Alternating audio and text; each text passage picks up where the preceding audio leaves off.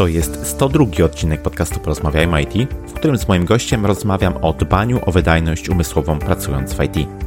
Przypominam, że w poprzednim odcinku rozmawiałem o drodze od studenta do dewelopera. Wszystkie linki oraz transkrypcję dzisiejszej rozmowy znajdziesz pod adresem porozmawiajmyit.pl łamane na 102. Ocena lub recenzja podcastu w Twojej aplikacji jest bardzo cenna, więc nie zapomnij poświęcić na to kilka minut. Ja się nazywam Krzysztof Kępiński, a moją misją jest poszerzanie horyzontów ludzi z branży IT. Środkiem do tego jest m.in. ten podcast. Zostając patronem na platformie Patronite, możesz mi w tym pomóc już dziś. Wejdź na porozmawiajmyit.pl na Patronite i sprawdź szczegóły. Jednocześnie bardzo dziękuję moim obecnym patronom. A teraz życzę Ci miłego słuchania. Odpalamy. Cześć, mój dzisiejszy gość to programista pracujący w branży IT od 10 lat. Swoją drogę z developmentem rozpoczął od aplikacji mobilnych i serwisów webowych, później zajmował się infrastrukturą, architekturą systemów, w końcu objął rolę kierowania zespołami jako team leader i CTO. Z wykształcenia to także dietetyk, obecnie pomaga przedsiębiorcom, programistom, menadżerom w branży IT podnosić e, ich wydajność e, umysłową. E, wspiera deweloperów, liderów w codziennych wyzwaniach, w redukcji stresu, zwiększania poziomu energii i utrzymania skupienia. Moim waszym gościem jest dzisiaj Kamil Lelonek. Cześć Kamil, bardzo miło mi gościcie ponownie w podcaście. No właśnie, cześć, bo to słyszymy się już w podcaście po raz drugi. Dokładnie, tak sobie sprawdziłem właśnie przed naszą rozmową i to był odcinek e, numer 18, grubo ponad dwa lata temu, także jestem naprawdę w szoku, e, jak te dwa lata szybko przeleciały. Ale bardzo miło mi gościcie ponownie. No, to prawda, super, fajnie być gościem jeszcze raz. Cieszę się. E, no właśnie, my w branży IT tak pasjonujemy się tymi technologiami, pasjonujemy się wykorzystaniem technologii do rozwiązywania różnych problemów technicznych, biznesowych, co niektórzy z nas również pasjonują się produktywnością, podnoszeniem tej produktywności, ale to wszystko, śmiemy twierdzić, tak trochę na nic się zda, albo nie będzie działało w pełni wydajnie, jeśli zapomnimy o naszym takim najważniejszym komputerze, czyli naszym mózgu i, i gdzieś tam ta wydajność umysłowa nam trochę z radaru ucieknie. Dlatego dzisiaj będę chciał z Kamilem porozmawiać, jak utrzymać wydajność umysłową pracując w IT, co się na tą wydajność składa i jak się na tym właśnie obszarze też skupić.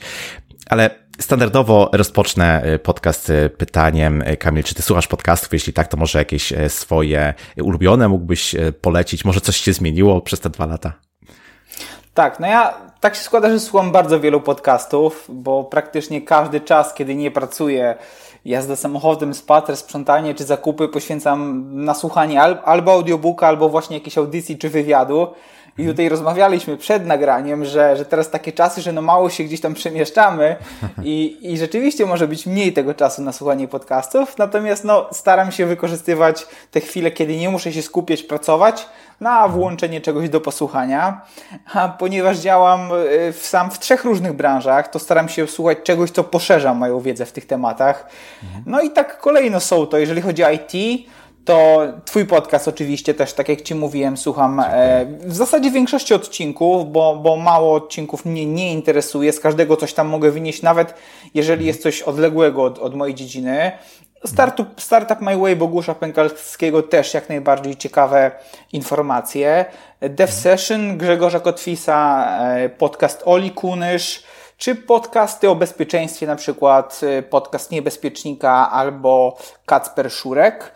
Mhm. Jeśli chodzi o nieruchomości, to jest taka druga działka, no to tutaj na pewno Korpo Landlord, Wojciech Gil, Kuba Midel, Paweł Albrecht, Daniel Siwiec, to są takie postaci, które gdzieś tam śledzę w mhm. tematach nieruchomościowych. A z biohackingu, czyli tematów, o których dzisiaj porozmawiamy, no to przede wszystkim Ben Greenfield, Chris Kresser i Bulletproof Radio. Takie trzy główne źródła, z których czerpię najnowszą wiedzę od praktyków, którzy opowiadają tam o swoich historiach związanych z biohackingiem. Mhm. Bardzo fajna lista. Tak, e, zauważyłem, że w sumie z tego ostatniego obszaru nie ma zbyt polskojęzycznych e, podcastów, no nie? Może, może jest jakaś nisza do zagospodarowania. E, jest, jest w Polsce jest wiele podcastów takich typowo dietetycznych. Jeżeli chodzi mhm. o podcasty z biohackingu, które regularnie wychodzą, no to rzeczywiście tego nie ma. Temat biohackingu jest trudny, żeby o nim jakoś fajnie opowiedzieć. Myślałem i zastanawiałem się, jak poprowadzić można było taki podcast, ale oprócz tego, że były, były rozmowy z gośćmi, no to podążanie za nauką, za najnowszymi badaniami, za informacjami, to się tak szybko zmienia, że rzeczywiście mhm. nagranie podcastu dziś e, spowodowałoby, że za rok prawdopodobnie informacje tam zawarte mhm. byłyby już nieaktualne. Mhm. No tak, ciekawe, faktycznie. Dobrze, to właśnie, zaczniemy może, może e, ten, ten temat. Chciałbym na początku Cię zapytać o to, czym ta wydajność e, umysłowa jest, bo tak zaczęliśmy o tym, że będziemy rozmawiać o wydajności umysłowej. Myślę, że dobrze byłoby powiedzieć e, właśnie, czym ona jest i co na nią wpływa, nie? W sensie, jak ona się zmienia z wiekiem, może z porą dnia, może są jeszcze jakieś inne znaczące czynniki, które na tą wydajność umysłową mm, wpływają w jakiś sposób. Dobra, to powiedzmy sobie tak bardzo prosto, bo jest to sprawność Twoich funkcji poznawczych, takich jak zapamiętywanie, koncentracja, uwaga, spostrzegawczość. Mhm. To jest zdolność Twojego mózgu do, do procesów myślowych, do percepcji otoczenia, orientacji w rzeczywistości i takiej logicznej analizy. Mhm. No, wydajność umysłowa, te, te, te wszystkie funkcje, jak możesz się domyślić i zresztą jak sam zapytałeś, to spada zarówno wraz z wiekiem, ale także wtedy, gdy nie ćwiczymy tych funkcji kognitywistycznych, no bo. Zobacz, że osoby rzeczywiście pracująco kreatywnie umysłowo, no chociażby architekci, prawnicy, projektanci, czy nawet artyści, no i oczywiście programiści, unikną demencji, która postępuje chociażby po 60. Mhm. Więc warto jest ćwiczyć umysł, pracować nim cały czas, bo stymulując go ciągłe no, nowymi bodźcami, my unikamy chorób związanych właśnie z osłabieniem pracy mózgu, układu nerwowego, zwłaszcza w starszym wieku. A jeżeli chodzi o porę dnia, e, to powiem Ci, że wcale nie powinna ona mieć zbyt dużego znaczenia. Oczywiście możliwe, że rano potrzebujemy chwili, żeby się rozkręcić, no a wieczorem zaczynamy już odczuwać taką narastającą senność, Natomiast w ciągu dnia u osób, które dbają o swój mózg, energia powinna być cały czas na stałym poziomie, bez poczucia zmęczenia i spadków koncentracji. To wiem, że to jest bardzo szeroki temat, ale gdybyś mógł powiedzieć, mm, co wpływa na e, wydajność umysłową, jakie e, zachowania, jakie rzeczy, które, nie wiem, e, robimy, jakie takie paterny naszych, naszych zachowań mogą wpływać na wydajność umysłową. No właśnie dobrze, że zaznaczyłeś to w pytaniu, że, że to jest szeroki temat, no bo no de facto nie ma takiej jednej rzeczy, która rozwiąże wszystkie problemy pracy umysłowej. Y, nasz mózg potrzebuje, powiedziałbym, że takich trzech filarów, aby pracować wydajnie, no bo musi być dobrze odżywiony, właściwie dotleniony i odpowiednio zregenerowany. Czyli mhm. łatwo wywnioskować, że bez zdrowej diety, długiego snu i regularnej aktywności fizycznej no, możemy zapomnieć o wysokiej wydajności umysłowej. Są to kluczowe, ale, ale i oczywiste rzeczy, że większość ludzi zdążyła o nich zapomnieć, no bo w końcu każdy wie, że jedzenie fast foodów jest niezdrowe, a jednak ponad połowa społeczeństwa jest otyła. No, mm. sporo osób zdaje sobie sprawę, jak ważny jest sen, a mimo to siedzi do późna przed komputerem. No i większość rozumie, że ruch jest niezbędny do utrzymania zdrowego ciała, a jednak cały dzień spędza w trybie siedzącym. To, to, to, nie są rzeczy trudne do zrobienia, ale wiele osób wciąż odkłada je na później, e, no bo niestety one nie dają takiej natychmiastowej gratyfikacji. Jest to projekt długoterminowy, więc trudno jest to trochę za zaakceptować w dzisiejszych czasach, kiedy oczekujemy, że wszystko wydarzy się natychmiast. Hm. No właśnie, to są takie podstawy, jak to określiłeś, nie? Ale to tak myślę, że podobnie jak w IT o tych podstawach trzeba cały czas e, mówić, trzeba cały czas e, przypominać, żeby, żeby gdyby gdzieś to się ugruntowało, żeby w nas się e, zakorzeniło, nie? I to tak, tak, tak powiedzieliśmy, no, bardzo szeroki temat i o tych rzeczach, które warto robić, żeby tą wydajność umysłową utrzymać albo podnosić, to właśnie mówiliśmy w tym osiemnastym odcinku, do którego, do którego odsyłamy, tam warto, warto pewnie się z tym zapoznać. A teraz chciałbym Cię zapytać, jak gdyby jeszcze z drugiej strony, bo tam mówiliśmy o tym, co wpływa pozytywnie na naszą wydajność umysłową, co powinniśmy e, robić właśnie w temacie e, ruchu, w temacie e, odżywiania, nawodnienia, nawet o kawie mówiliśmy. A teraz może z drugiej strony, co z kolei podkopuje tą naszą wydajność umysłową, co ją ogranicza, co nie pozwala jej się powiedzmy w pełni rozwinąć. Wiesz co, żeby, żeby powiedzieć może to takiego coś ciekawego, co bardzo się przyłoży na dzisiejsze czasy i mieć jakąś taką, takie odniesienie do rzeczywistości, to zamiast mówić o jakichś takich rzeczach ogólnych, które, które to podkopują, to ja powiedziałbym, że największym wrogiem naszej wydajności umysłowej jest dzisiaj Netflix. No bo po pierwsze, bardzo skłania on nas do zarywania snu. Bo ile razy słyszałem, że ktoś e, się nie wyspał, no bo miał obejrzeć jeszcze tylko jeden odcinek, a skończyło się na pójściu do łóżka o trzeciej w nocy. Dalej, zamiast zrobić trening, czy chociażby wyjść na spacer, jeżeli ten trening gdzieś tam na siłowni nie jest możliwy, no to wiele osób woli odpalić ulubiony serial i tak na kanapie spędzić czas po pracy, wierząc w takie złudne wdrażanie odpoczynku. Mhm. No, dalej, przy dobrym filmie warto zjeść coś smacznego. Zwykle nie są to zdrowe przekąski, a raczej właśnie coś tłustego albo słodkiego, co łatwo pochłonąć w dużych ilościach, przekraczając nasze zapotrzebowanie kaloryczne. No już nie mówię tutaj o, o, o takim szkodliwym wpływie niebieskiego światła docierające od naszych telewizorów, komputerów do oczu, kiedy oglądamy kolejny odcinek. No i mhm. właśnie te wszystkie przyjemne rzeczy będą bardzo podstępnie i nieświadomie wyniszczały nasz mózg, a tu o aspekcie jakimś psychologicznym w kwestii na przykład uzależnienia, to tutaj już nie będę wspominał, więc, mhm. więc ten Netflix to chyba dzisiaj taki najbardziej podstępny, ale popularny e, pogromca naszej wydajności umysłowej.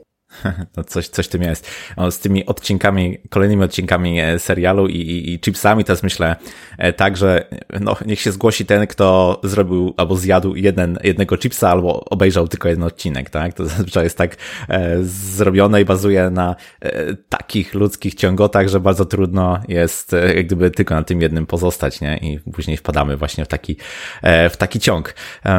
no tak to, tak to już niestety jest.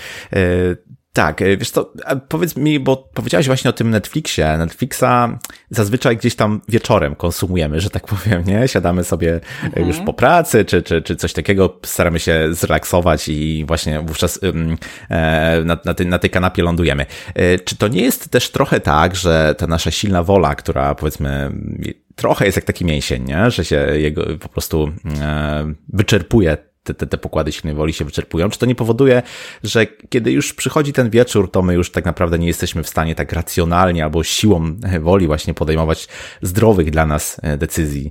E, czy, czy, czy to nie jest tak, że, że, że po prostu wtedy już jedziemy trochę na tych e, nawykach i, i, i jak gdyby to się dzieje trochę poza taką naszą świadomością, można powiedzieć. Tak, jest coś takiego i nawet istnieją liczne badania w tym temacie, które mówią o pewnej puli decyzji w ciągu dnia, którą każdy z nas ma i którą jesteśmy w stanie racjonalnie wykonać. I w ramach hmm. wykonywania każdej decyzji, natomiast tutaj w decyzję nie wchodzą tylko ważne, istotne rzeczy, ale chociażby pierdoły takie jak w co się ubrać i co zjeść, to wszystko to w pewnym sensie zużywa zasób naszej decyzyjności, takiego racjonalnego myślenia i właśnie logicznego podejmowania pewnych działań. I jest tak jak mówisz, że im więcej tych decyzji w ciągu dnia się kumuluje, tym trudniej nam później, pod koniec dnia, te decyzje podejmować. No i tutaj e, są osoby, które mówią o tym, że mają jeden rodzaj ubrań, że jedzą codziennie to samo, że mają swoje rutyny, właśnie po to, aby ograniczyć zbędne decyzje, a skupić się na decyzyjności tylko w takich istotnych i kluczowych obszarach. Tak, bardzo ciekawe. Chociażby Steve Jobs, no nie? Tak. Jedne jeansy, jedna, jeden, jeden golfik. E, no pewnie, pewnie. E, okej. Okay. Mm, w tym osiemnastym odcinku, do którego ponownie wrócę, mówiliśmy trochę o kawie, nie? Mm, wiadomo, mhm. to jest taki napój, który, który mm, powiedzmy jest uwielbiany wśród pracowników umysłowych, nie tylko, nie tylko e, w IT. I to jest też taki sposób na takie, taką krótkoterminową strategię podniesienia tej wydajności umysłowej, nie? Tam powiedzmy po pół godzinie mamy już taki, e, taką, taką faktycznie większą klarowność tego e, umysłu i myślę, że jest sporo takich rzeczy, które można właśnie zrobić, e, żeby dać sobie taki zastrzyk jakiejś energii i chwilowo przynajmniej tą wydajność umysłową podnieść. No ale jak to z tymi krótkoterminowymi strategiami e, bywa, no niestety w większości przypadków albo e, w jakiś sposób się od nich uzależniamy, albo uodparniamy i one już później nie działają. No, jednym słowem mówiąc, ich efektywność w czasie niestety nam trochę maleje. Czy znasz jakieś takie strategie, albo sposoby, albo aby właśnie długofalowo e, utrzymać albo nawet zwiększać tą wydajność e, umysłową? Co możemy zrobić?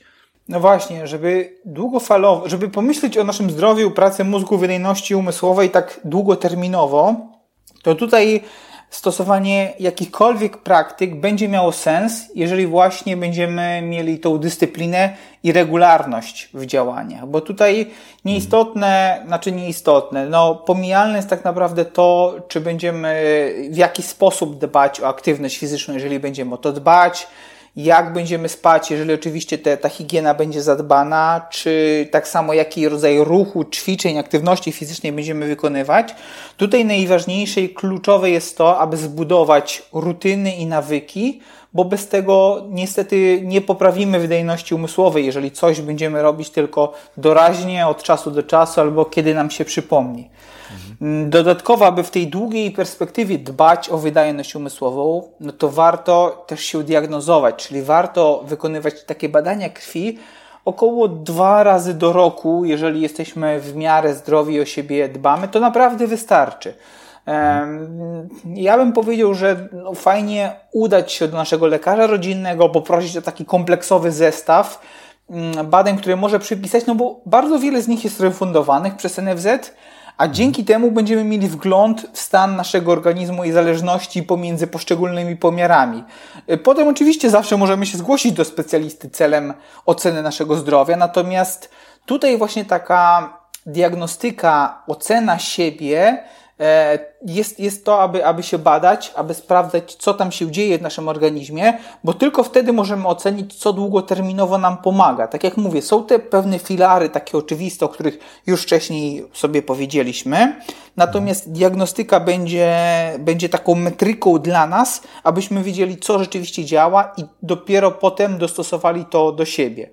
E, no, podstawą mojej pracy z potopiecznymi są właśnie badania krwi, bo tylko na tej po podstawie da się rzetelnie ocenić kondycję organizmu, jakieś niedobory, niepokojące sygnały, które należy jak najszybciej naprawić. Ja bardzo polecam taką diagnostykę, e, no bo właśnie wiele chorób, jakichś dysfunkcji narządów może nie dawać dolegliwości przez bardzo długi czas, a wykrycie tego w badaniach pomoże całkowicie wyeliminować zbliżające się zagrożenie. Więc tutaj z jednej strony ok, optymalizacja, chcemy się usprawniać, chcemy być lepsi, ale ja bym powiedział, że tą podstawą jest właśnie diagnostyka i zadbanie o to, czy my przypadkiem nie mamy, nie próbujemy podkręcać naszego mózgu, podczas gdy, wiesz, mamy jakieś niedobory, mhm. jakieś dolegliwości, gdy dzieje się coś złego, a my tak naprawdę chcemy przejść na wyższy poziom, mając dziury w tych podstawach. Więc tutaj hmm. powiedziałbym, że to jest, to jest coś, o co, o co na pewno musimy zadbać. Faktycznie, to jest bardzo słuszna uwaga, nie? Bo tak samo jak z programowaniem. Zazwyczaj, e, jeśli mamy złe podstawy, coś tam się dzieje e, bardzo głęboko w naszym kodzie, no to budowanie na tym e, zazwyczaj spowoduje, że będzie jeszcze gorzej. Zacznie to się nam rozjeżdżać i system po prostu będzie się chylił ku upadkowi. Pewnie tak samo właśnie, tak jak powiedziałaś, jest z tym zdrowiem, nie? W sensie, mm, nie ma sensu próbować podciągać tej naszej wydajności, pracować nad tym, jeśli te podstawy kompletnie są nie, nie, nie, nieogarnięte, nie?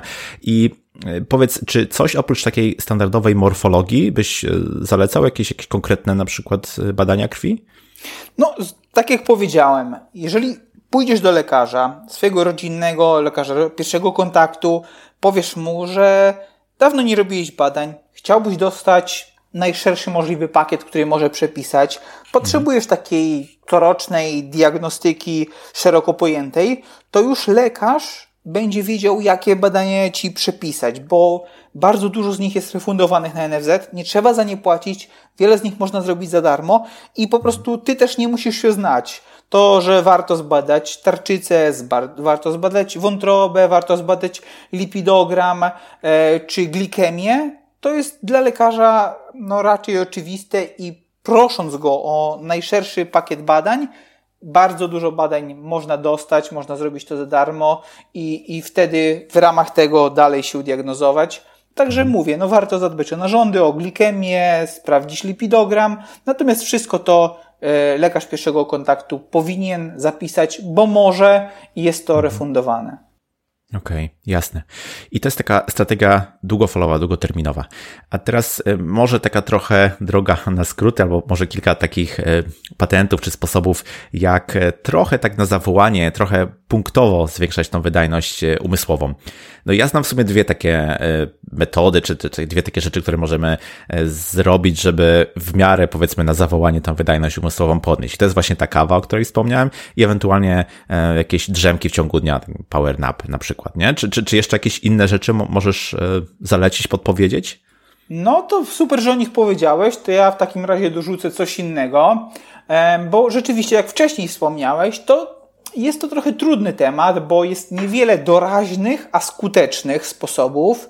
Mhm. Większość z nich wciąż zakłada, że mamy do czynienia ze zdrowym organizmem, o który regularnie dbamy, bo jeżeli organizm jest zdrowy, dbamy o niego, no to wszystkie takie chwilowe, punktowe działania będą rzeczywiście skuteczne, bo one pracują na zdrowym organizmie, więc ten efekt jest naprawdę bardzo fajny.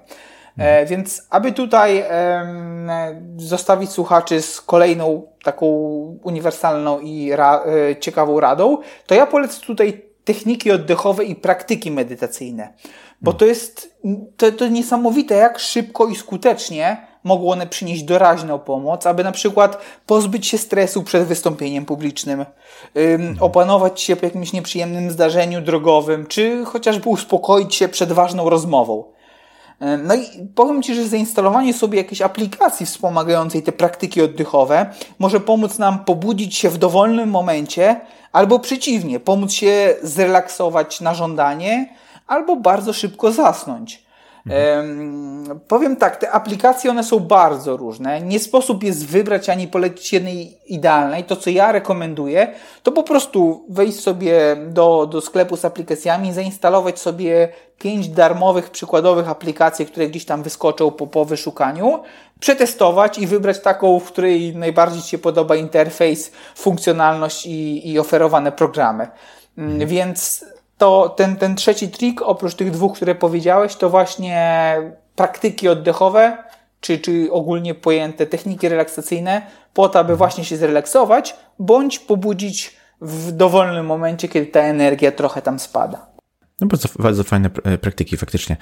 Nie pomyślałbym o tym, że to może wpływać nam tak e, punktowo, bo na przykład medytację e, zawsze widziałem jako taką, taką długoterminową inwestycję, no ale w sumie faktycznie, no wycisza, tak, pozwala nam bardziej się skoncentrować, skupić na tu i teraz, więc to, to, to faktycznie może też podlegać pod, pod takie doraźne działania, jak najbardziej. Mhm. Wiesz, jak sobie mm, człowiek czyta, czy, czy, czy powiedzmy rozgląda się na temat właśnie wydajności umysłowej, czy tego takiego szerokiego tematu wydajności e, umysłowej, to coraz częściej e, trafia na takie materiały związane z różnymi substancjami typu grzyby, typu nootropy. Wiem i słuchałem bardzo fajnego twojego wystąpienia u Bogusza Pękalskiego w podcaście Startup My Way, My Way gdzie e, no bardzo szeroko na ten temat właśnie mówiłeś. Myślę, że to jest temat o którym e, wiele osób gdzieś tam mogło słyszeć, ale jest trochę z gatunku takich buzzwordów, czy z takich rzeczy, o których ktoś się powtarza, niekoniecznie rozumiejąc e, podstawy, albo wręcz, wręcz przeinaczając to, jak e, na przykład tego typu substancje działają. Więc chciałbym Cię poprosić, żebyś powiedział, czym są takie substancje, czy są legalne, bo to zawsze się pytanie pojawia i właśnie w jaki sposób one mm, działają, jak w sposób rozsądny przyjmować e, tego, tego typu substancje. No dobra, to zacznijmy w takim razie od tych grzybów nootropów, bo to jest coś, co jest powszechne, popularne i rzeczywiście bardzo szeroko, szeroko stosowane. Mhm. Same grzyby medyczne to oczywiście legalne, bezpieczne i skuteczne substancje, które podnoszą wydajność umysłową. Natomiast nootropy to często leki lub środki dostępne bez recepty, ale stosowane w chorobach neurodegeneracyjnych, e, które u zdrowych osób przynoszą korzyści w pracy umysłowej. E, jeżeli chodzi o te grzyby, no to właśnie one nie stymulują znacząco, one nie blokują podstawowych funkcji organizmu, e, natomiast one będą w pewnym sensie normalizowały ustrój człowieka, bo, bo jest to taki istotny filar ziołolecznictwa, bo wspiera osoby zarówno zdrowe, ale też osłabione przez różne czynniki zewnętrzne. E, więc to jest dość istotne, jeżeli mówimy o tych substancjach, bo one oprócz tego, że pomagają, to one nie mogą w żaden sposób zaszkodzić. Podobnie adaptogeny, o których też często się mówi, one są z natury nietoksyczne i nie mogą uzależniać. Więc warto, warto o tym wspomnieć, bo podobnie jak grzyby, jak nootropy, mogą mieć właściwości adaptogenne, jednak należy o tym pamiętać, że jeżeli jakaś substancja jest toksyczna albo niebezpieczna dla organizmu lub wywołuje niepożądane skutki uboczne, to oczywiście ona nie będzie uznana e, za adaptogeny, no bo jest to jest taka definicja właśnie tych substancji, aby mhm. one były bezpieczne e, i przynosiły rzeczywiście e, korzyści dla naszego mózgu. Jasne. E, a, mógłbyś, sto... powiedzieć, mógł, mhm. mógłbyś powiedzieć właśnie, czym są substancje adaptogenne, czym w ogóle, jak, jak ten, ten, ten, to pojęcie w ogóle działa? Jeśli chodzi o substancje adaptogenne, to tutaj właśnie nazwa jest nieprzypadkowa, no bo one muszą adaptować nasz organizm do pewnych czynników zewnętrznych, do pewnych bodźców z otoczenia i do pewnych reakcji naszego organizmu na te bodźce. Tutaj mhm. chyba najlepszym przykładem jest stres, na który w pewien sposób każdy z nas reaguje. Niektórzy reagują bardziej, silniej, mocniej, e, nawet może negatywnie. Inni sobie z tym potrafią bardziej ra radzić albo świadomie, albo podświadomie. No i rolą adaptogenów jest właśnie zaadaptowanie nas chociażby do tych sytuacji stresowych w taki sposób, abyśmy umieli sobie poradzić i w pewnym sensie zarządzać tym stresem, który się pojawi. To nie jest tak, że adaptogeny niwelują stres naszego życia, czy usuwają go i spowodują, że my się nie będziemy stresować. To jest tak, że te adaptogeny pomagają nam radzić sobie z tym stresem, być bardziej opanowani, mieć taki chłodny umysł, taką świadomość tego, co się właśnie wydarzyło, że ktoś nam zajechał drogę, że stoimy na scenie i mówimy przed tysiącem osób i jest taka sytuacja, albo że mamy jakąś ważną rozmowę czy kłótnię i dzięki adaptogenom my potrafimy na chłodno odnaleźć się w tych sytuacjach, być opanowanym, mimo że wciąż ten stres się pojawia, tyle że my potrafimy na niego reagować. Hmm. No i właśnie, i stosowanie tych substancji w branży IT jest niezwykle popularne ze względu na taką ich efektywność w zwiększaniu wydajności mózgu, no bo o tym tutaj mówimy. E, ich główną korzyścią, e, jeśli chodzi o grzyby czy, czy nootropy z kolei, jest na pewno większa koncentracja, jest taka uwaga na wykonywanych e, zadaniach i to, czego bardzo oczekują i pożądają programiści, czyli osiągnięcie takiego stanu flow bo wszystkie te substancje, o których tutaj mówimy, poprawiają także kreatywność, przyspieszają naukę, wzmacniają myślenie analityczne, tak jak już powiedziałem, co jest przydatne właśnie w rozwiązywaniu problemów. No i stosowanie wszelkiego rodzaju cholinergików, racetamów czy adaptogenów będzie świetnym rozwiązaniem w pracy kreatywnej. E, żeby zostawić słuchaczy z jakimś takim konkretem, to ja powiedziałem, że warto zacząć na przykład od Lion's Mane czy L-teaniny w połączeniu z kawą, co mhm. znacznie podniesie poziom skupienia. No warto potestować sobie też na przykład cyty, cytykolinę w połączeniu z dowolnym receptanem, aby, aby zwiększyć produktywność i, i kreatywność. Więc tutaj tych możliwości jest naprawdę dużo. Ja przygotowałem taki link hackyourbrain ukośnik, hackyourbrain.pl ukośnik grzyby, gdzie można mhm. sobie znaleźć takie gotowe mieszanki, miksy do kawy e, i przetestować. To, to, to fajnie będzie działać właśnie w celu podnoszenia takiej tej produktywności i wydajności umysłowej.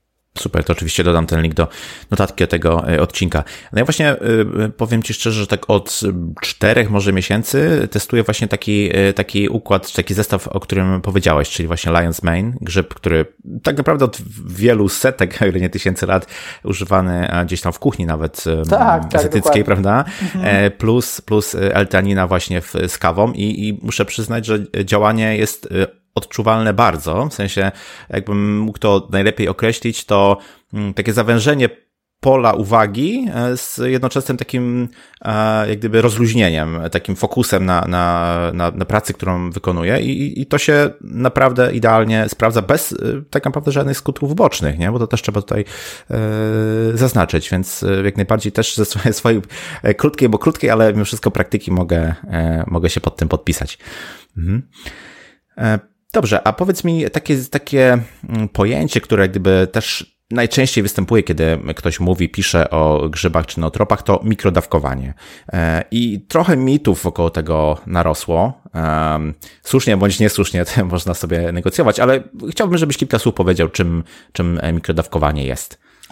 No, mikrodawkowanie to jest, to jest dość szeroki temat. On jest no właśnie rozpowszechniony w Dolinie Krzemowej dzięki chociażby mm. startupom technologicznym, mm. bo tamtejsi programiści, czy generalnie ludzie właśnie z branż technologicznych, z branży IT, wykorzystują, i tutaj wa warto zaznaczyć, psychodeliki w mhm. celu opracowania najbardziej złożonych zagadnień, tworzenia kreatywnych rozwiązań oraz produktów, no bo mikrodawkowanie zwykle tyczy się właśnie psychodelików, czyli substancji, które już są mniej bezpieczne, żeby nie powiedzieć, że w dużych dawkach nawet niebezpieczne. E, to są substancje przede wszystkim nielegalne, niedopuszczone do powszechnego mm, obrotu. Jest to więc taki temat na pograniczu legalności, no bo stosowanie tych substancji jest przez prawo e, niedopuszczone. E, niemniej jednak temat jest niesamowicie ciekawy z tego powodu, że efekty są e, rzeczywiście widoczne. Psychodeliki oddziałowują e, na konkretny podtyp receptora serotoninowego, więc modyfikują chemię mózgu, także, także ich działanie jest dość silne. Działają także terapeutyczne, bo wywołują pewne doświadczenia E, powodują różne skojarzenia, pogłębiają naszą analizę, zdolności logicznego myślenia, więc tutaj te, te efekty są widoczne, sprawdzone, przetestowane przez wiele osób, jednak ze względu gdzieś tam na te pewne ograniczenia prawne, nie jest to jeszcze temat tak popularny. Oczywiście psychodeliki pod kontrolą lekarzy czy w różnych ośrodkach badawczych są stosowane w celach terapeutycznych leczenia uzależnień, leczenia e, różnych traum czy nawet chorób psychicznych, ponieważ są skuteczne tam, gdzie przestają być skuteczne leki, które do tej pory zostało, zostały wymyślone i nad nowymi generacjami się, leków się już nie pracuje, także tutaj ta rola psychodelików będzie coraz większa. Myślę, że jeszcze wiele, wiele lat e, minie, zanim one zostaną wpuszczone do tego obiegu klinicznego, no i jeszcze więcej, zanim e, staną się powszechnie dostępne, chociażby patrząc na to, co się dzieje obecnie z marihuaną, jej legalizacją i zastosowaniem terapeutycznym, możemy domyśleć się, że droga psychodelików będzie bardzo podobna, więc tutaj to mikrodawkowanie tak jest popularne. Oczywiście jak ze wszystkim, każda nielegalna substancja można y, gdzieś tam dostać y, i, i one gdzieś tam na rynku krążą. E, także, także stąd wynika ich e, popularność, dlatego że można je stosować, są skuteczne, rzeczywiście działają. No i sam mam wielu potopiecznych, które regularnie stosują je w, w celu poprawy działania swojego mózgu i osiągają naprawdę niesamowite rezultaty pracy, pracy twórczej, więc stąd ten temat jest powszechny. Tak, ciekawy i jednocześnie kontrowersyjny temat i tak jak powiedziałeś, wiele osób z Doliny Krzemowej, czy wielu znanych blogerów, chociażby Tim Ferris, e, to są osoby, które od lat już się chwalą e, właśnie korzystaniem z mikrodawkowania, wręcz powiedziałbym, że są lobbystami e, tego, tego, tego sposobu podnoszenia swojej mm, wydajności umysłowej, no ale tak powiedziałeś, no to, to jeszcze pewnie długa droga, żebyśmy też lepiej zrozumieli, nie, te, te, te działanie tych, tych substancji, bo to ciągle jest no, stosunkowo nowa rzecz. Tak jak powiedziałeś, rozwijana, ale do, mimo wszystko gdzieś e, raczkująca. No zobaczymy.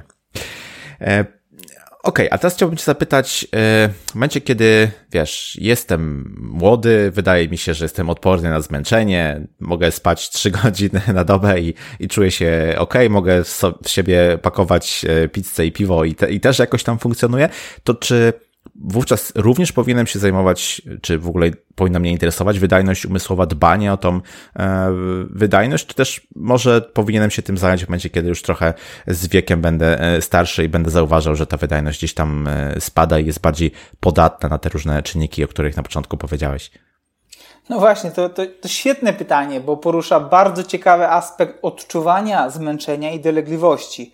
E, mhm. Młodzi ludzie, tacy jak ja, czy czy, czy kiedyś ty, y, często nie zdają sobie sprawy, jak drobne zaniedbania będą przekładały się na pogorszenie pracy mózgu. Bo tutaj wiesz, my bardzo długo możemy naginać granice naszego zdrowia, mało się ruszać, jeść byle co, prawie nie spać, a wciąż czuć się dobrze. I tak jak, tak jak powiedziałeś, tutaj wystarczy jedna, druga kawa i tego zmęczenia się pozbywamy. Yy, mamy niesamowite organizmy. One są w stanie znieść bardzo, bardzo dużo. Wiesz, ja nieraz widziałem opłakane wyniki badań, przy zachowanym dobrym samopoczuciu i mhm. dalsze prowadzenie się w niewłaściwy sposób ryzykowałoby za chwilę wieloma chorobami. Więc tutaj, no niestety nasz organizm tak się ewolucyjnie dostosował do tego, abyśmy mogli jednak gdzieś tam wiele rzeczy znieść. E, a przy takim słabym prowadzeniu się nasze, nasze zdrowie wisi na włosku, a jednocześnie wcale nie musi dawać widocznych skutków a dopiero kiedy zaczynamy już czuć jakieś dolegliwości, no to zwykle wtedy jest, jest za późno.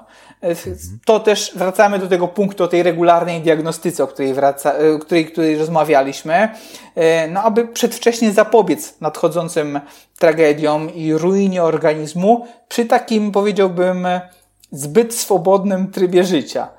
Bo mhm. mówię, organizm jest bardzo mocny, bardzo silny. Przez długi czas wiele chorób jest, rozwija się bezobjawowo. Gdy dolegliwości się pojawią, zwykle jest za późno, a my po prostu naginamy to, nie myślimy tak pesymistycznie, bo zwykle jesteśmy optymistyczni, że co tam się mhm. stanie, to tylko jedna zarwana noc, a to tam jedna pizza, burger, kebab i tak dalej, co mi to szkodzi, nic mi nie jest, czuję się dobrze, a ta choroba gdzieś tam po cichu bardzo się rozwija, no i to długoterminowo będzie przekładać się i na naszą wydajność, efektywność pracy naszego mózgu, o co wszyscy chcemy jak najbardziej zadbać. Hmm, no prawda. Kamil, ty również działasz w IT, również programujesz, tak jak sobie tutaj przed nagraniem rozmawialiśmy, mamy taką jedną wspólną ulubioną technologię w postaci Elixira, o którym swoją drogą też kiedyś będę musiał e, pogadać. E, I zastanawiam się, jak ty jako również e, osoba właśnie pracująca umysłowo, programująca, jak ty dbasz o wydajność umysłową? Co, co robisz, żeby tą wydajność umysłową utrzymać albo podnosić? No to u mnie oczywiście kluczową rolę pełnią dwa elementy, e, bo jest to regularna aktywność fizyczna i właściwy sen, e, mhm. przy oczywiście wsparciu suplementacji, ale suplementacja to jest bardzo szeroki temat, e, więc skupiając się na tych dwóch podstawowych rzeczach, czyli regularna aktywność fizyczna, no to ja przede wszystkim każdego dnia dbam o minimalną e, dawkę ruchu. Nie wyobrażam sobie dnia bez treningu, jazdy rowerem, czy jakiegokolwiek ruchu, który właśnie wchodzi mi w tą pulę aktywności fizycznej. E, mhm. Jeśli to możliwe, staram się pracować na stojąco, gdzieś tam, nawet, nawet teraz rozmawiając, stoję, e, stoję przed biurkiem, więc, więc też staram się o to dbać. Mm, jeśli chodzi o, o to, co rekomenduję, czyli minimum 10 tysięcy kroków dziennie, czy taki 45-minutowy spacer każdego dnia, to u mnie osobiście jest to rzadsze, ponieważ poruszam się, tak jak zresztą rozmawialiśmy przed podcastem, w 90% rowerem. E, mhm. Nawet, nawet, nawet, ter, nawet dzisiaj już zrobiłem 20 e, kilometrów, więc to jest taki główny mój środek transportu, więc zdecydowanie mniej chodzę, ale osoby, które właśnie rowerem nie jeżdżą, e, gdzieś tam się muszą przemieścić i niekoniecznie musi być to samochód, bo odległości są krótsze, no to ja rekomenduję te 10 tysięcy kroków dziennie, zrobienie sobie takiego 40, 45-minutowego spaceru. No ja dodatkowo przynajmniej raz w tygodniu organizuję jakiś taki właśnie dłuższy spacer, co, co wyjście do lasu, czasu, co właśnie mhm. zapełni tą lukę w pewnym sensie. Dlatego no, bardzo rekomenduję e, aktywność fizyczną regularną, czy to w formie treningu, czy to właśnie jazdy rowerem, czy jakiejkolwiek innej aktywności. Natomiast tym drugim elementem, jeżeli chodzi o sen, no to ja staram się mieć dopiętych jak najwięcej jego aspektów. Korzystam mhm. z takiej checklisty, którą też wypracowałem na przestrzeni miesięcy z moimi potopiecznymi. E, też każdy, każdy z moich podopiecznych ją dostaje, bo ona służy do tego, aby sprawdzić warunki snu każdego dnia, czyli zaznaczyć sobie, jak się przygotowało sypialnie, jak samemu jest się przygotowanym, czy te warunki snu są zadbane, czy pomieszczenie jest na przykład właściwie zaciemnione i tak dalej, i tak dalej, po to, aby o te warunki snu e, dbać. Ostatnio nawet zacząłem się zastanawiać, czy nie śpię za długo, bo jeżeli mhm. w tygodniu średnia mi wychodzi ponad 9 godzin, no to rzeczywiście dla wielu osób to jest nie do pomyślenia. Z drugiej strony powiem Ci, że zauważam, że im więcej śpię, to potem więcej jestem w stanie zrobić w ciągu dnia. Więc jak się wyśpię krótko i okej, okay, mam dłuższy dzień, bo mam więcej godzin w ciągu dnia, to ta efektywność wcale nie jest taka dobra, jak mam tych godzin mniej, ale kosztem, jeśli tak to można powiedzieć, snu, bo wyśpię się 9 godzin, to rzeczywiście tego dnia jest mniej, ale po prostu efektywność, produktywność jest niesamowita. I tutaj mhm. widzę, widzę ogromną różnicę, że co z tego, że śpię 7 godzin i mam więcej snu, jak wcale nie jestem taki wydajny jak w przypadku 9 godzin, e, mhm. 2 godziny mniej mam w ciągu dnia, ale wreszcie jestem w stanie zrobić o wiele, wiele więcej. Więc sen, aktywność fizyczna to są, to są mnie podstawa, plus oczywiście bardzo szeroka suplementacja, w zasadzie poruszająca różne aspekty, po to też, żeby trochę eksperymentować, żeby sprawdzić, żeby potem móc to rekomendować dalej. E, więc tutaj nic konkretnego oczywiście y, nie mogę polecić, natomiast taka podstawowa suplementacja u każdego gdzieś tam się powinna pojawić. Wcześniej mówiłeś, że z tą silną naszą wolą jest tak, że jej zapas się trochę wyczerpuje, nie? Że, że e, mhm. te pokłady naszej decyzyjności po prostu mają swój, mają swój limit.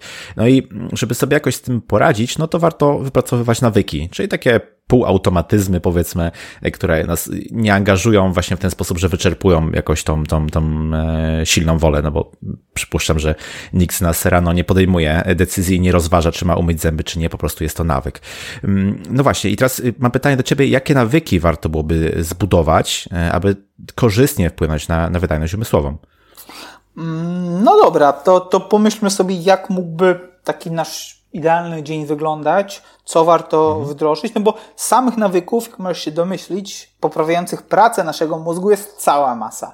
Więc mhm. weźmy kilka, e, aby, aby dać słuchaczom jakąś konkretną wartość, co można by zrobić, więc zaczynając od tego, jak wstaniemy, to, to co można zrobić jako pierwszą rzecz, Oczywiście, jeszcze wracając, e, to, to warto mieć takie te nawyki spisane w formie checklisty, no bo, tak jak mówię, o wiele trudniej je pamiętać i myśleć gdzieś tam o nich, a jeżeli sobie wydrukujemy, zrobimy taką checklistę i przykleimy w widocznym miejscu gdzieś na ścianie i wstając rano będziemy kolejne punkty odhaczać, no to, to będzie bardzo, to jest, to, jest kolejna rzecz, która y, pozbywa nas tego procesu decyzyjnego. Nie musimy już nic decydować, myśleć, pamiętać, tylko po prostu odhaczamy, bo mamy to napisane. No i okej, okay, wstajemy rano i co można jako pierwszą rzecz zrobić? No, na początku na pewno warto wystawić się na światło słoneczne, wpuścić jak najwięcej światła, e, zakładając to, że oczywiście śpimy w idealnym, ciemnym pomieszczeniu, no to po obudzeniu się warto wystawić się na światło słoneczne, aby dać bodziec naszemu organizmowi, że wstaliśmy, że jest nowy dzień, że czas na e, uruchomienie pracy narządu, że czas na produkcję podstawowych hormonów, które są potrzebne nam rano, więc wystawianie się na światło słoneczne, otwarcie okna, odsłonięcie żaluzji, firanek, zasłon, cokolwiek tam mamy, nawet wyjście na zewnątrz, jeżeli mamy taką możliwość, yy, chociażby na balkon, jeżeli mieszkamy w mhm. bloku, yy, czy, czy do na jakiś taras, do ogródka, gdziekolwiek mamy możliwość, niech to będzie taka pierwsza rzecz. Dalej, mhm. mm, opcja dla osób odważnych i zdeterminowanych jest to zimny prysznic. Super mhm. sprawa, żeby to robić rano, aby pobudzić się, dodać sobie energii. Minuta, dwie pod zimną wodą bardzo nas pobudzi i y, da nam energię naprawdę, naprawdę na cały dzień. I to uczucie jest niesamowite. Jesteśmy super zmotywowani, gotowi do działania, bo, bo taki zimny prysznic daje takiego ogromnego kopa energii. Co dalej możemy zrobić, kiedy już wstaliśmy i się gdzieś tam e, pobudziliśmy? Warto się dotlenić na spacerze, wyjść sobie na, tak jak powiedziałem, pół godziny takiego spaceru, szybszego marszu, gdzieś tam, gdzie, gdzie mamy możliwość, jeżeli mieszkamy koło lasu, czy, czy blisko i to jest super opcja. Jeżeli nie, no to chociażby, gdy musimy zrobić zakupy, to wyjść sobie rano na zakupy, na taki spacer, szybki marsz na świeżym powietrzu, dotlenić się, super opcja. Co dalej? Dalej w ciągu dnia no, mamy różne obowiązki, różne aktywności, więc tutaj już nie będę mówił, że warto sobie zrobić jakiś tam trening, e, czy warto tam zdrowo, dobrze zjeść. E, tutaj może skupmy się już na, na, na tym, że mamy wieczór. E, co warto robić wieczorem? Warto na pewno blokować niebieskie światło docierające z naszych urządzeń, bo niebieskie światło i generalnie światło reguluje właśnie nasz rytm domowy. To też dlatego warto w nocy spać przy całkowicie zaciemnionym pomieszczeniu, dlatego warto wystawiać się na światło słoneczne rano, no i dlatego warto wieczorem to światło niebieskie blokować, czyli gdzieś tam poinstalować sobie, powłączać tryb ochraniający nasz wzrok w ekranach komputerów. macOS ma to wbudowane, Windows ma to wbudowane. Na Linuxie możemy sobie zainstalować Fluxa. E, tak samo iOS jest to wbudowane. W Androidzie też są aplikacje typu Redshift, które mogą mhm. ten ekran mm, e, nieco wygasić, zmienić ton, zmienić barwę, aby ten wzrok nasz chronić. No i dzięki temu kiedy dostajemy sygnał, a w zasadzie kiedy odbieramy taki sygnał mocnego światła z otoczenia, z ekranów, e, z urządzeń, to wtedy organizm wie, że czas przygotowywać się do snu, bo te wszystkie filtry mają właśnie symulować takie trochę przebywanie przy ognisku, do czego się mhm. przyzwyczailiśmy ewolucyjnie i to zwykle było właśnie robione w nocy przed snem. Mm, potem warto zrobić sobie właśnie jakąś technikę oddechową, praktykę relaksacyjną, włączyć sobie na 10, 5-10 minut tą aplikację, zrobić taką medytację przed snem.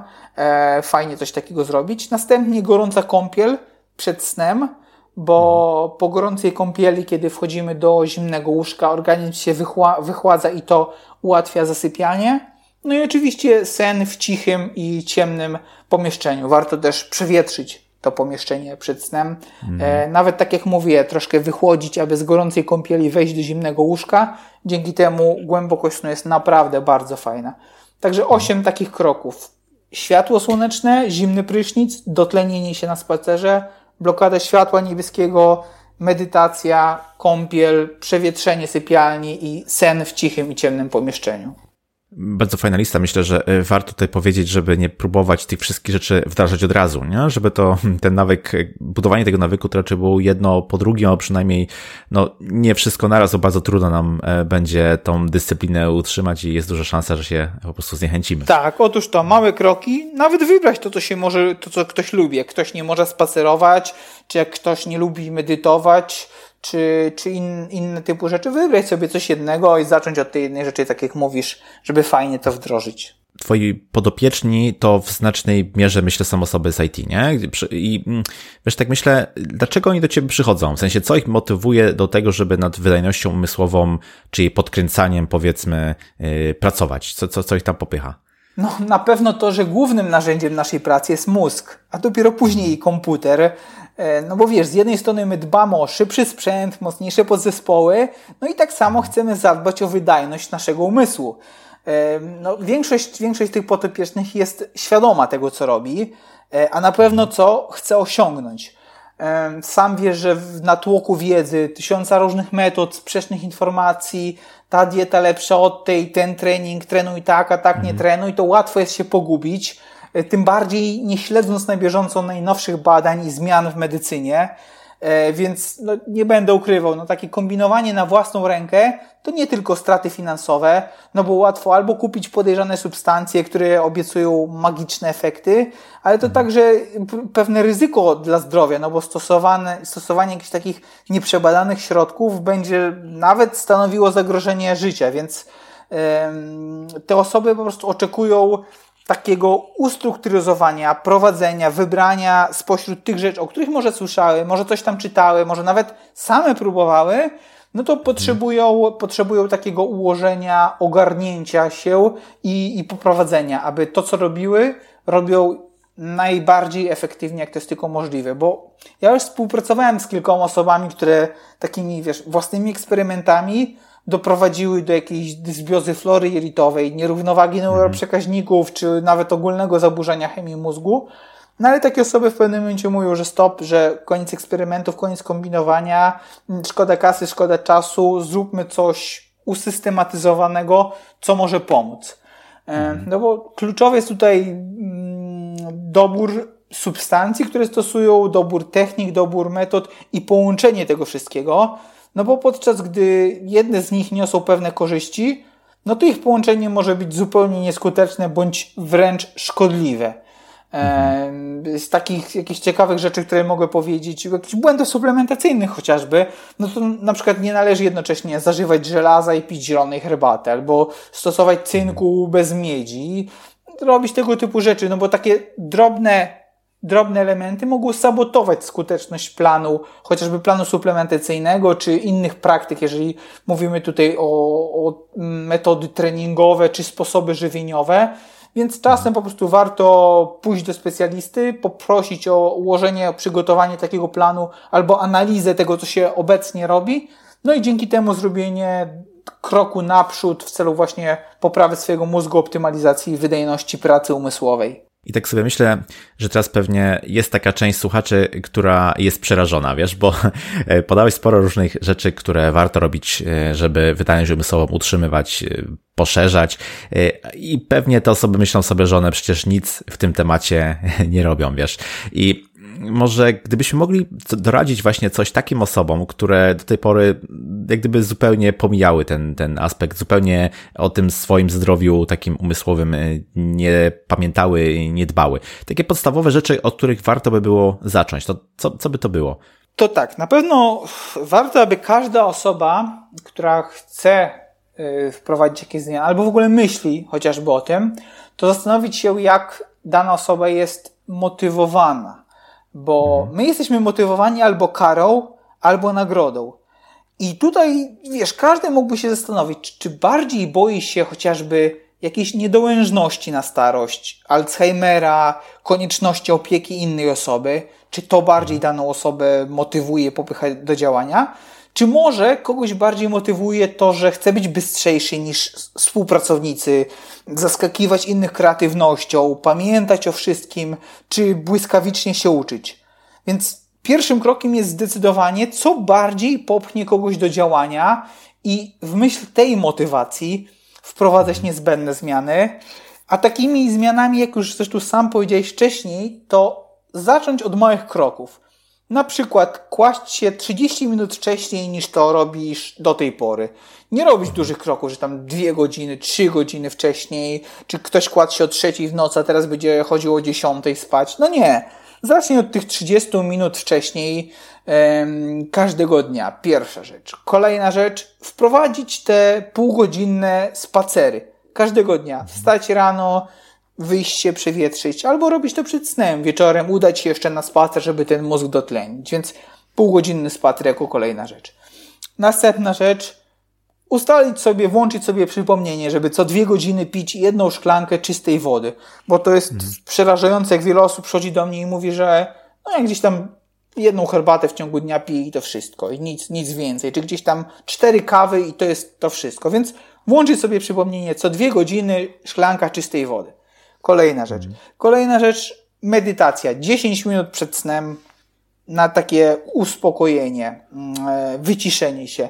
10 minut na 10 minut przed snem, czyli po prostu jako ostatni element e, przed tym, jak zaśniemy, zrobić sobie medytację, taką praktykę oddechową, technikę, technikę relaksacyjną, aby się wyciszyć. I to wystarczy na mhm. start. Czyli, tak jak mówię, położyć się 30 minut wcześniej, 10-minutowa medytacja, yy, szklanka wody co dwie godziny dziennie, półgodzinny spacer i to naprawdę wystarczy. Takie drobne rzeczy, jeżeli nic nie robiliśmy do tej pory, no to takie minimalne zmiany, małe kroki, to będzie super, żeby już po kilku tygodniach zauważyć pozytywne rezultaty.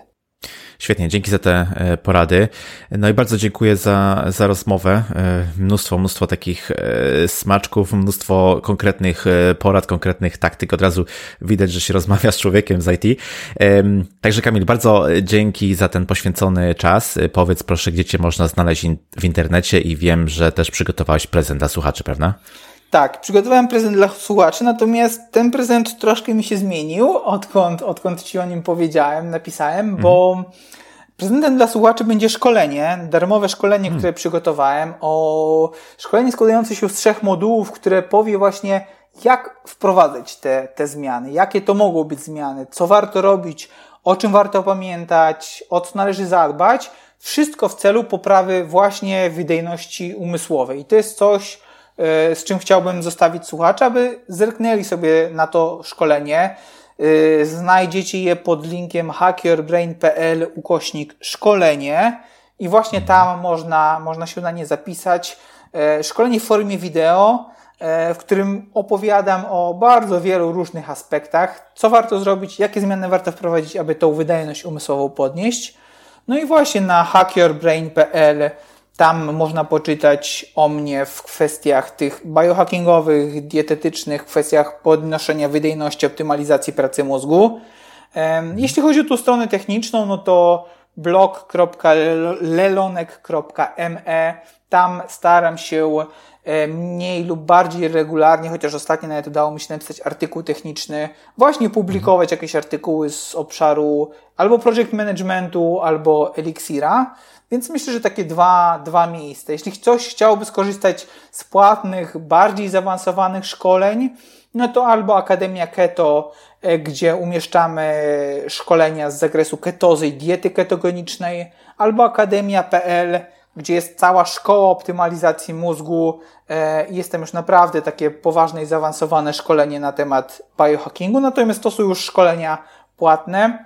E, także zapraszam. Dla każdego się coś znajdzie, tak jak mówię, albo rzeczy darmowe, albo rzeczy płatne, albo rzeczy techniczne. E, myślę, że wybór jest dość spory. Świetnie.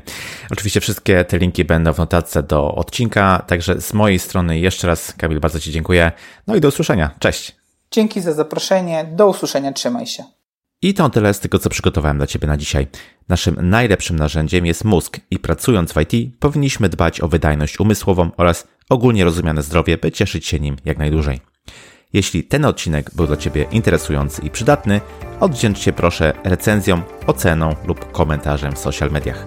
Jeśli masz jakieś pytania, pisz śmiało na krzysztofmałpa porozmawiajmyit.pl. Zapraszam też do mediów społecznościowych. Ja się nazywam Krzysztof Kępiński, a to był odcinek podcastu Porozmawiajmy IT o dbaniu o wydajność umysłową pracując w IT. Zapraszam do kolejnego odcinka już za tydzień. Cześć!